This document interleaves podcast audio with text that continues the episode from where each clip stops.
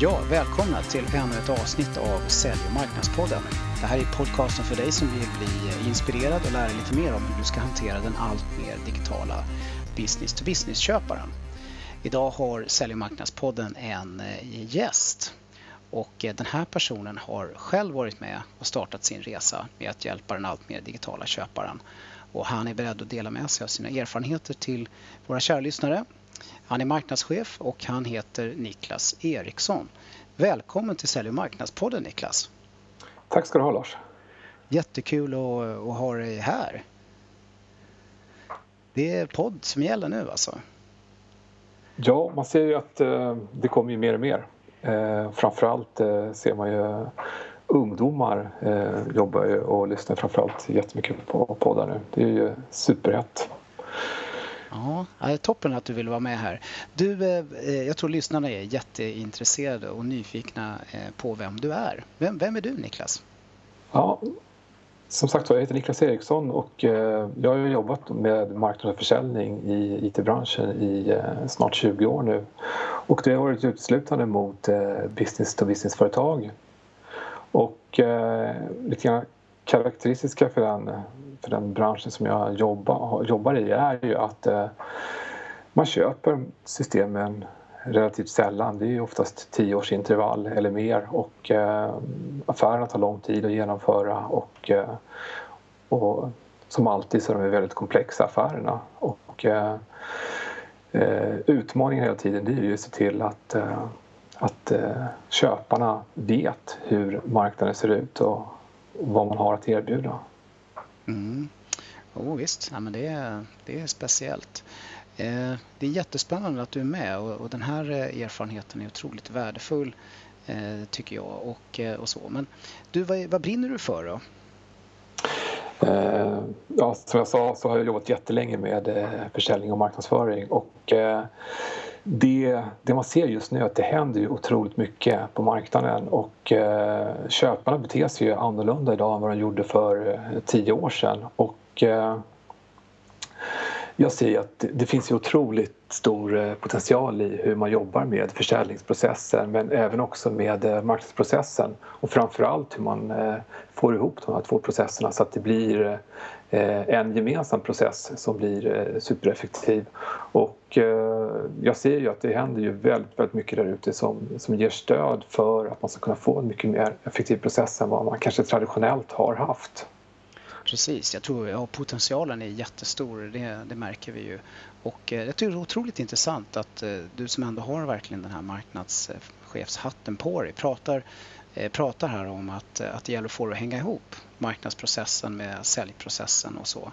Eh, det, det, tror jag själv också kommer vara väldigt avgörande framgent om man ska, ska lyckas med det här och få till den här ökade effektiviteten. Du, eh, eh, hur är dina erfarenheter här nu då? Du har ju själv varit med om att, eh, att jobba i projekt kring de här frågorna. Eh, skulle du vilja säga någonting allmänt till lyssnarna om, om dina erfarenheter?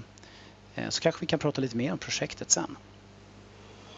Ja, alltså det, det man ser framförallt där ute det är ju att eh, eh köpprocessen ser helt annorlunda ut. Det är mycket, mycket svårare att få träffa potentiella kunder idag än vad det var för ett antal år sedan.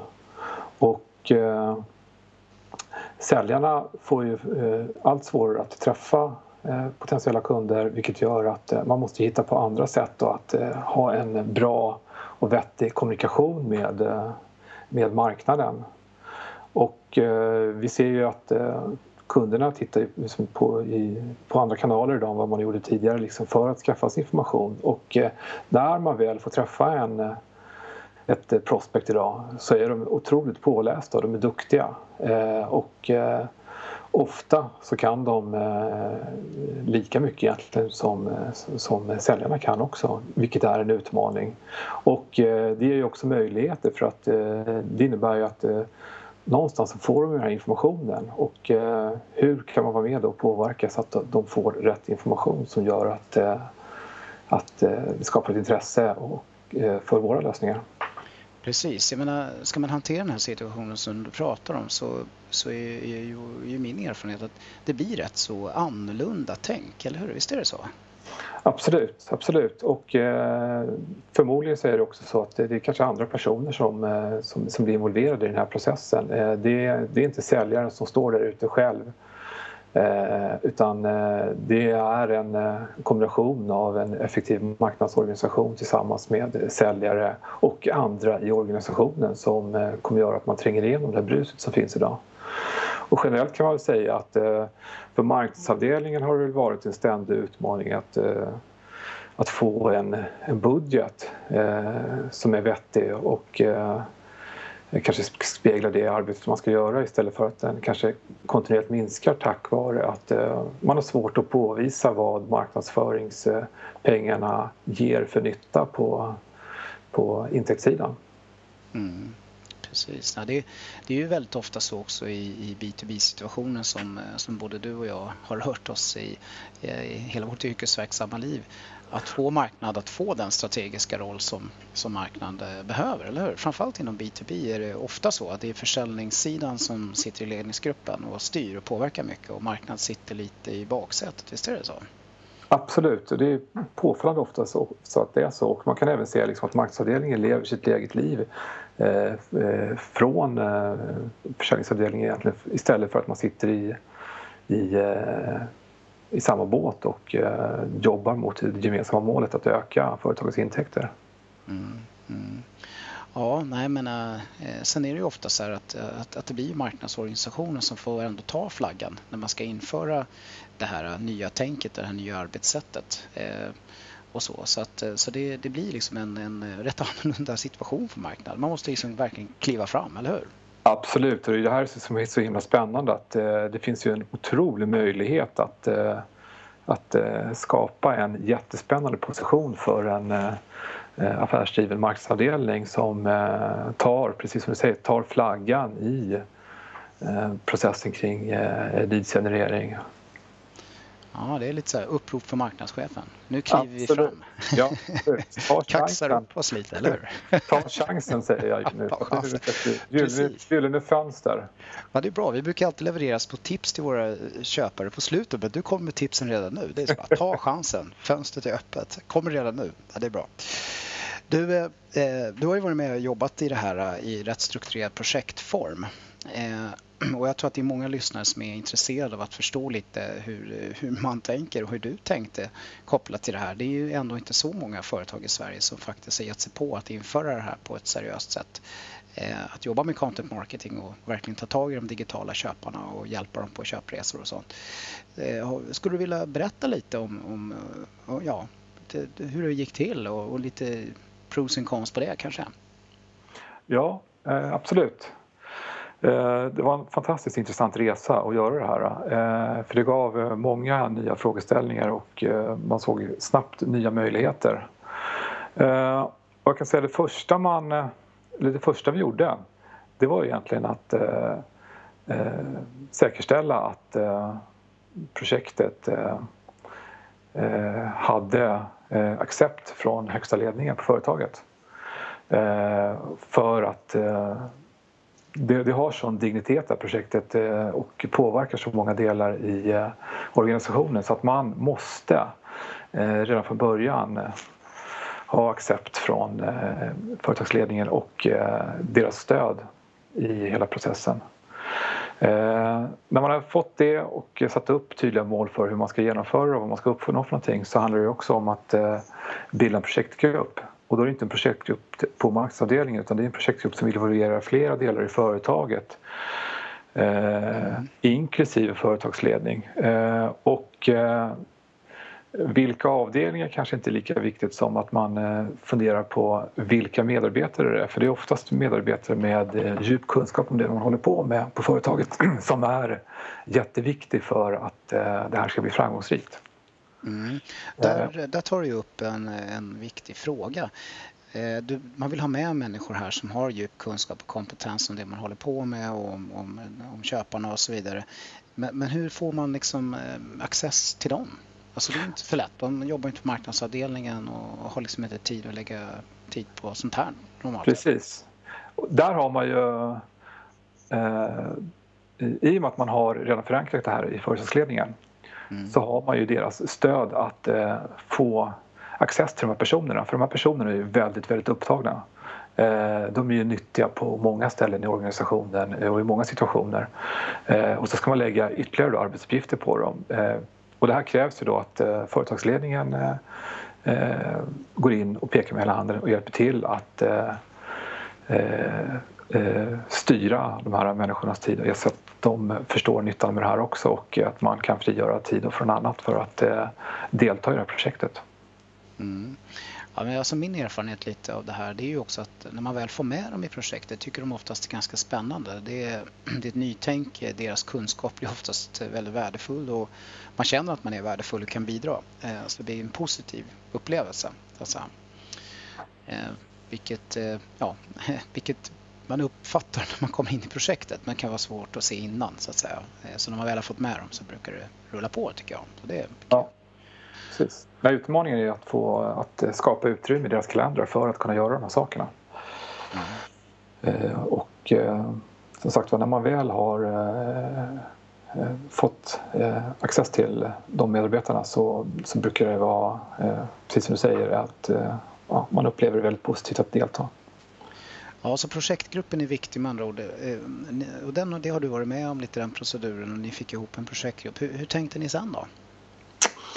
Eh, nej, men sen såg vi också att ja, nej, men, eh, eh det här eh, projektet, ska man dra igång i full skala så kommer det ta oerhört lång tid och det kommer dröja väldigt länge innan man ser några effekter överhuvudtaget av det.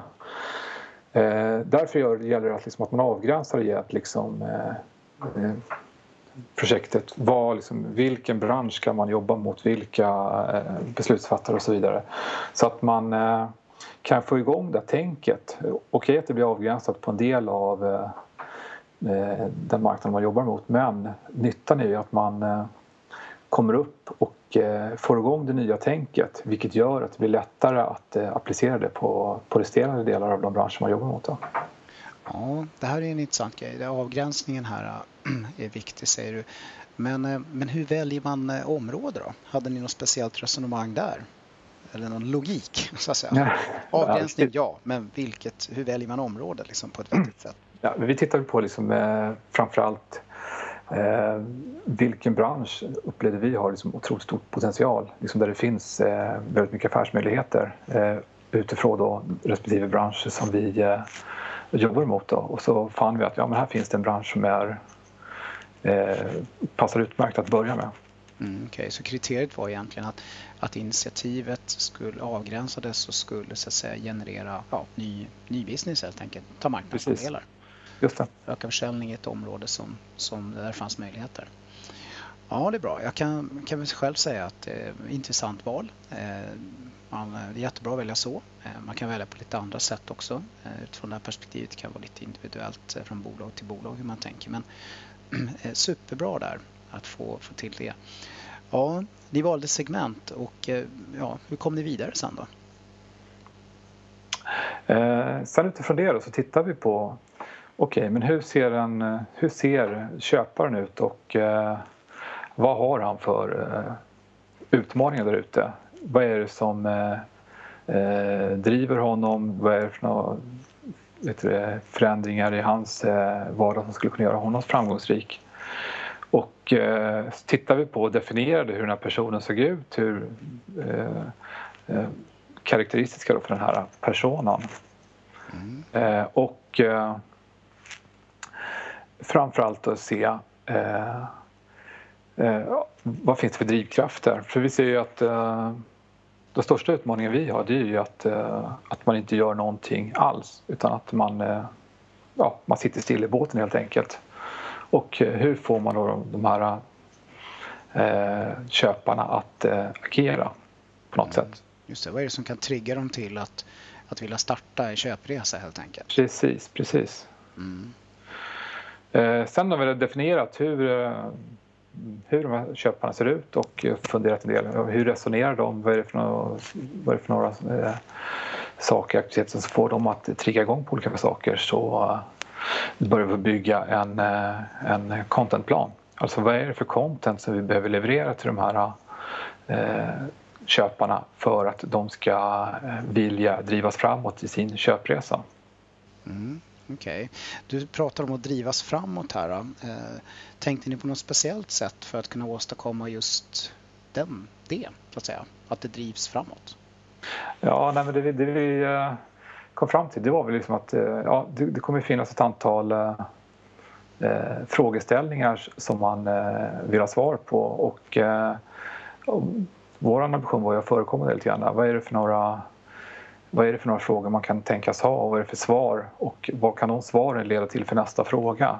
Och sen så bygga då ett, eh, ett flöde kring det här, hur, hur man kommer framåt och, och vidare då i en, eh, en leads-genereringsprocess utifrån vårt perspektiv.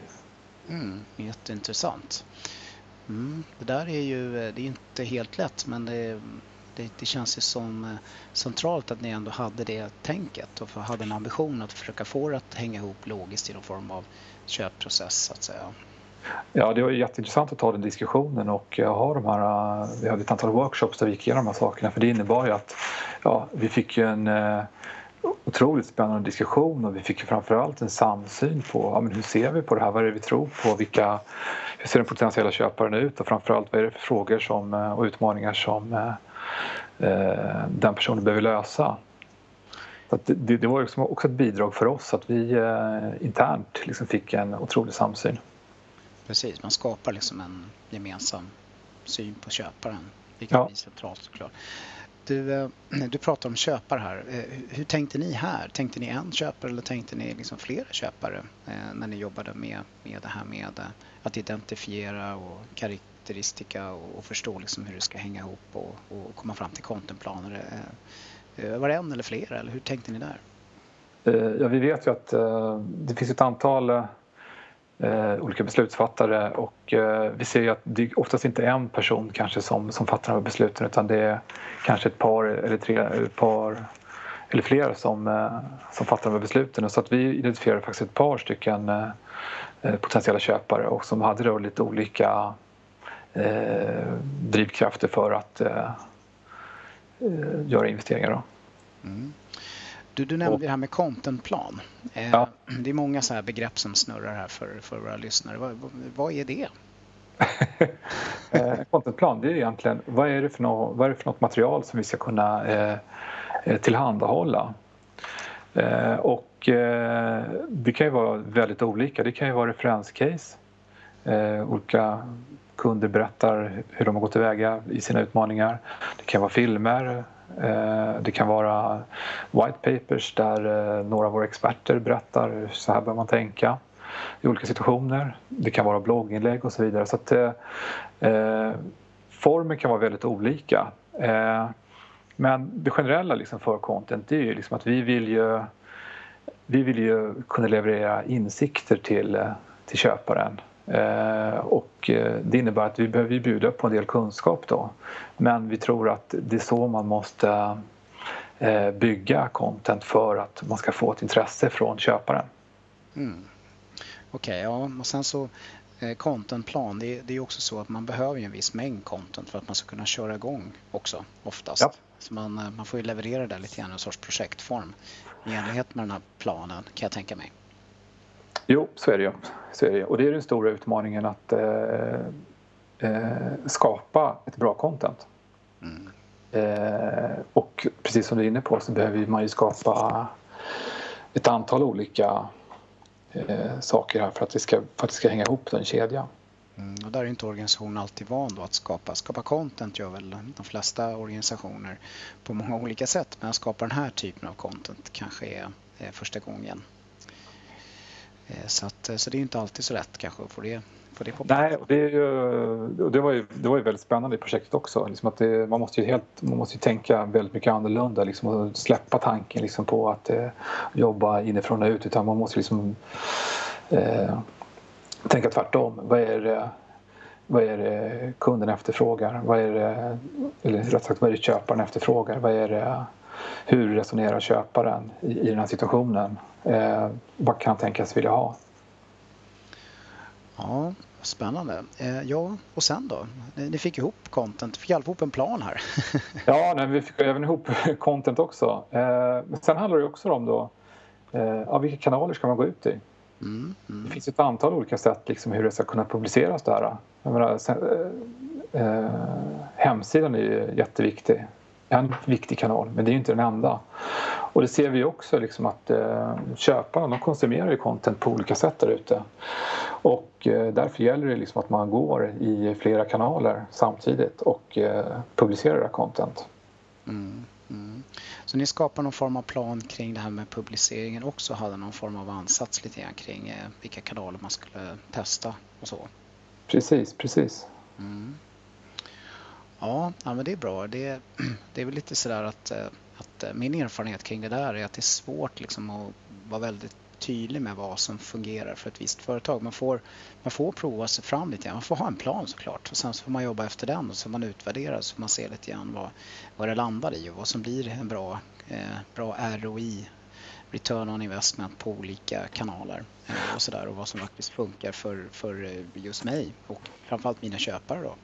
Precis. Eh, så man hittar sin secret sauce där lite grann.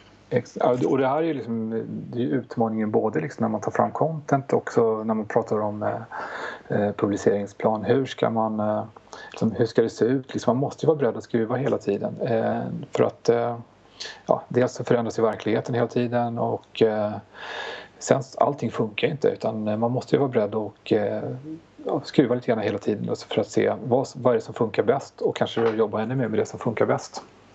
Precis. Ja, det är en djungel där ute för den stackars marknadschefen faktiskt. Det finns ju så oändligt många tekniker och kanaler och det finns jättemycket pengar som kan läggas på massa fantastiska saker och sådär. Det är inte så lätt att förstå och hänga med alla gånger, eller hur? Nej, precis. Men samtidigt så skulle jag vilja säga att det, det ger ju en eh, otrolig möjlighet också. Eh, att eh, försöka hitta den här rätta mixen. Mm. Eh, och eh, det ger ju möjligheter liksom att, eh, att eh, skaffa sig ett försprång gentemot sina kollegor i branschen genom att jobba aktivt med det här och, och hela tiden vara på tårna och hela tiden skruva lite grann i sitt content för att det ska passa skruva lite grann och fundera på hur ska vi publicera det och så vidare. Och så vidare. Och som sagt var, jobba aktivt med de här bitarna tror jag liksom skapar konkurrensfördelar. Du, eh, du var inne på det här med webben lite grann. Eh, det tror jag många känner som eh, lite utmanande. Att man ska behöva skruva och ändra och mecka på den också. Hur, hur, tänkte, hur tänkte du där? Eller hur tänkte ni där i projektet? Ja, nej, vi hade ju en, ett, en strategi där att det, den måste ju hela tiden uppdateras och även att Eh, mycket av det content som man har ska vara tillgängligt den vägen och att man har eh, webben som en, som en viktig eh, väg att konvertera också. Alltså, vet du, de här köparna så att man får reda på vilka det är. Mm. Så att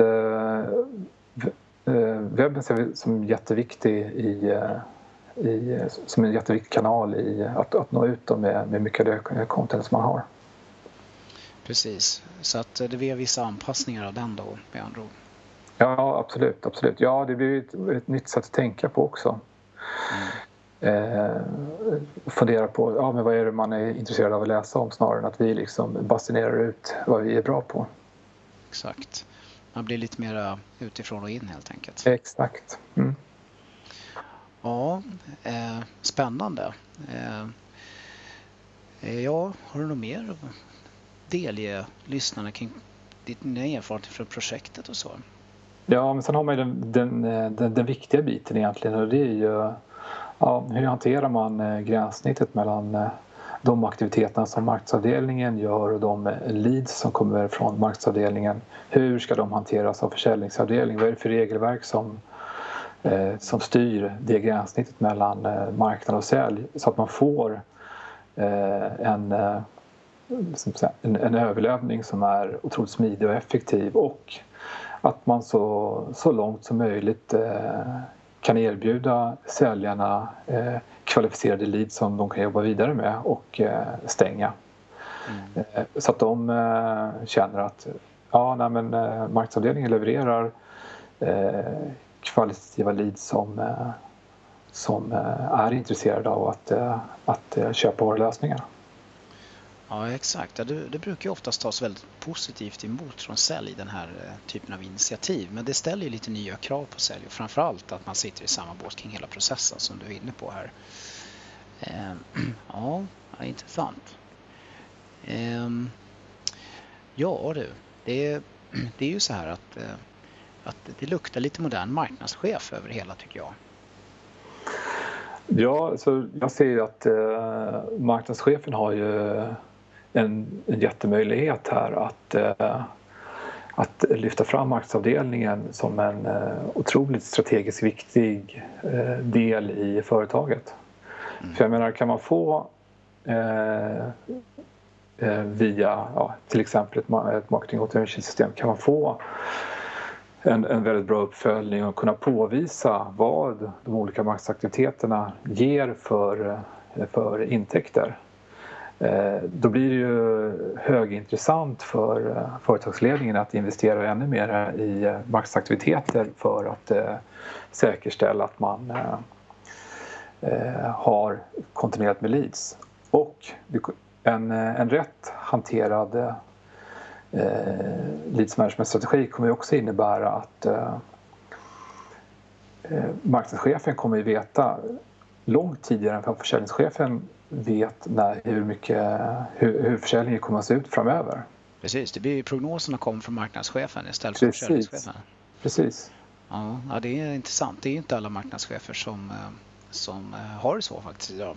Rätt Nej, sagt, det är väldigt få. Precis, precis. Och eh, jag tror ju att eh, som sagt var, eh, rätt hanterat så tror jag att eh, marknadschefen kommer ju bli en otroligt viktig spelare framöver i i ett företag.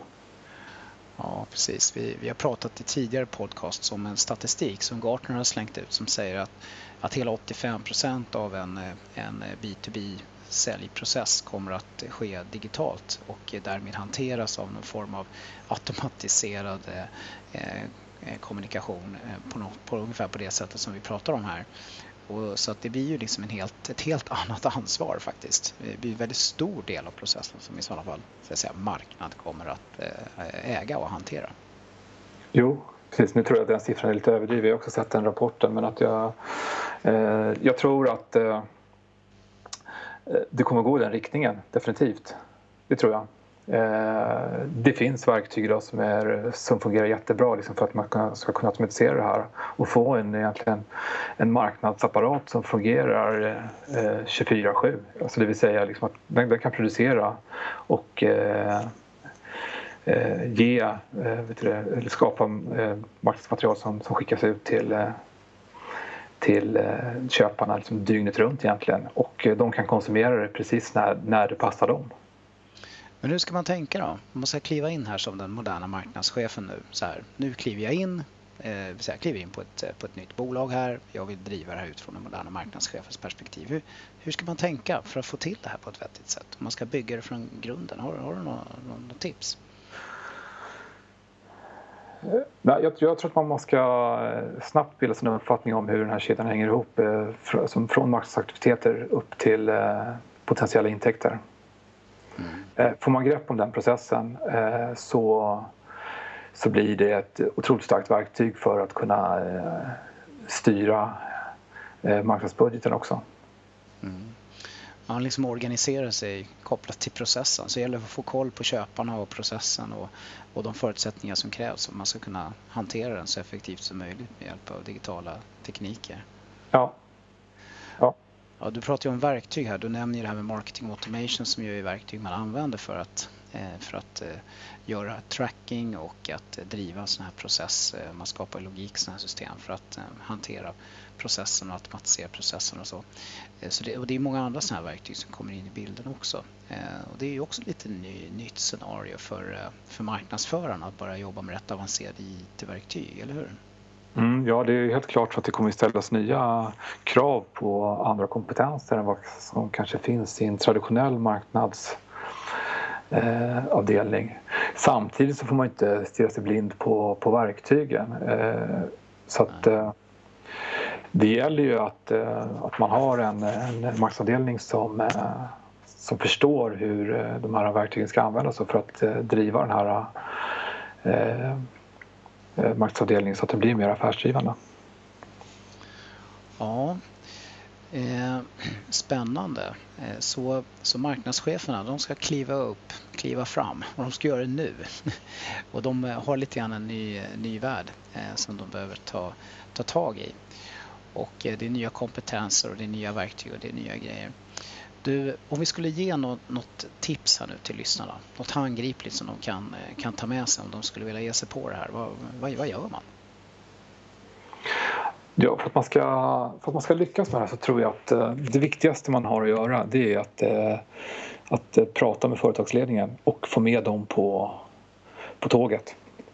Mm. Så att de, är, de förstår eh, nyttan med det här och eh, Eh, i bästa fall också även kan, kan räkna hem de här investeringarna som krävs. Då. Men att eh, har man med dem då skapar man också eh, utrymme för att eh, få till den här förändringsprocessen som måste till, inte bara på marknadsavdelningen men även tänk liksom i andra delar av organisationen för man behöver ju tillgång till eh, till kompetens som finns i andra delar av organisationen. Det kan vara hos säljare men det kan även vara liksom i produktionsledet sådana saker. Så att, eh, eh återigen, jätteviktigt att man har eh, ledningen med sig.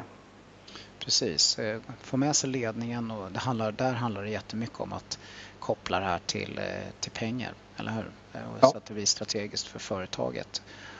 Och sen sätta igång och starta den här förändringsresan. Ja. Jag skulle vilja säga så här, jag, vi har erfarenhet av ett antal sådana processer. Jag tror också det är viktigt när man pratar med ledningen och tar det här steget som du är inne på att man även är tydlig med att det handlar en hel del om en kulturförändring som måste till lite grann. Det här utifrån och intänket är inte helt lätt för, för många organisationer att liksom landa i. Så att, så att, så att det, man ska vara medveten tror jag på ledningsnivå om att det blir lite grann av en kulturresa över tiden. Men det är väl som vanligt, eller hur? Det gäller att sätta igång och göra det så får man ta en sak i taget när det gäller sådana här förändringsarbete. Eh, absolut, jag tror att eh, gör man eh, rejäla avgränsningar så att man också kan eh, eh snabbt nå fram till eh, en ny tänkt process och påvisa hur den fungerar i olika delar så, så tror jag att man får lättare för accept också. Ja, bra. Du, eh, eh, Niklas, jag tror det här poddavsnittet börjar lida lite grann mot sitt slut. Tiden springer iväg när man har roligt. Ja. Jag, jag, skulle vilja tacka dig så jättemycket för att du eh, ville ställa upp och vara med här i Sälj och marknadspodden och förmedla dina erfarenheter. Det är ju inte så många som har varit med och gjort sådana här strukturerade projekt eh, kring det här ännu. Så jag hoppas att eh, våra lyssnare tycker det är värdefullt.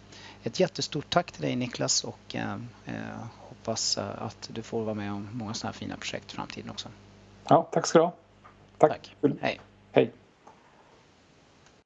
Ja, det var trevligt att ha Niklas Eriksson här med oss i Sälj och marknadspodden idag. Nu undrar ni säkert hur ni kan hitta Niklas. Det gör man enklast på LinkedIn. Niklas med K Eriksson med K och eh, dubbel S. Niklas Eriksson. Det finns många sådana så då lägger man till Content Marketing eller Marketing Automation. Så att det blir Niklas Eriksson eh, Content Marketing. Då hittar man rätt Niklas. På slutet av Sälj marknadspodden idag så pratar vi mycket om det här med kunskap och kompetens. Vi kan ge lite tips om detta. Eh, Wednesday Relations anordnar en hel del olika typer av aktiviteter där man kan höja sin kunskap och kompetens kring content marketing. Och eh, de gör ett event som heter Content Marketing Day här i slutet på oktober. www.wednesdayrelations.se så hittar ni mer information om det. Business Reflex gör också olika typer av utbildningar eh, kring content marketing. Det hittar ni mer på Business Reflex, tjänster och utbildningar. Ja, sist men inte minst så vill jag tacka er som har lyssnat och eh, glöm inte att vara relevanta där ute. Tack och hej!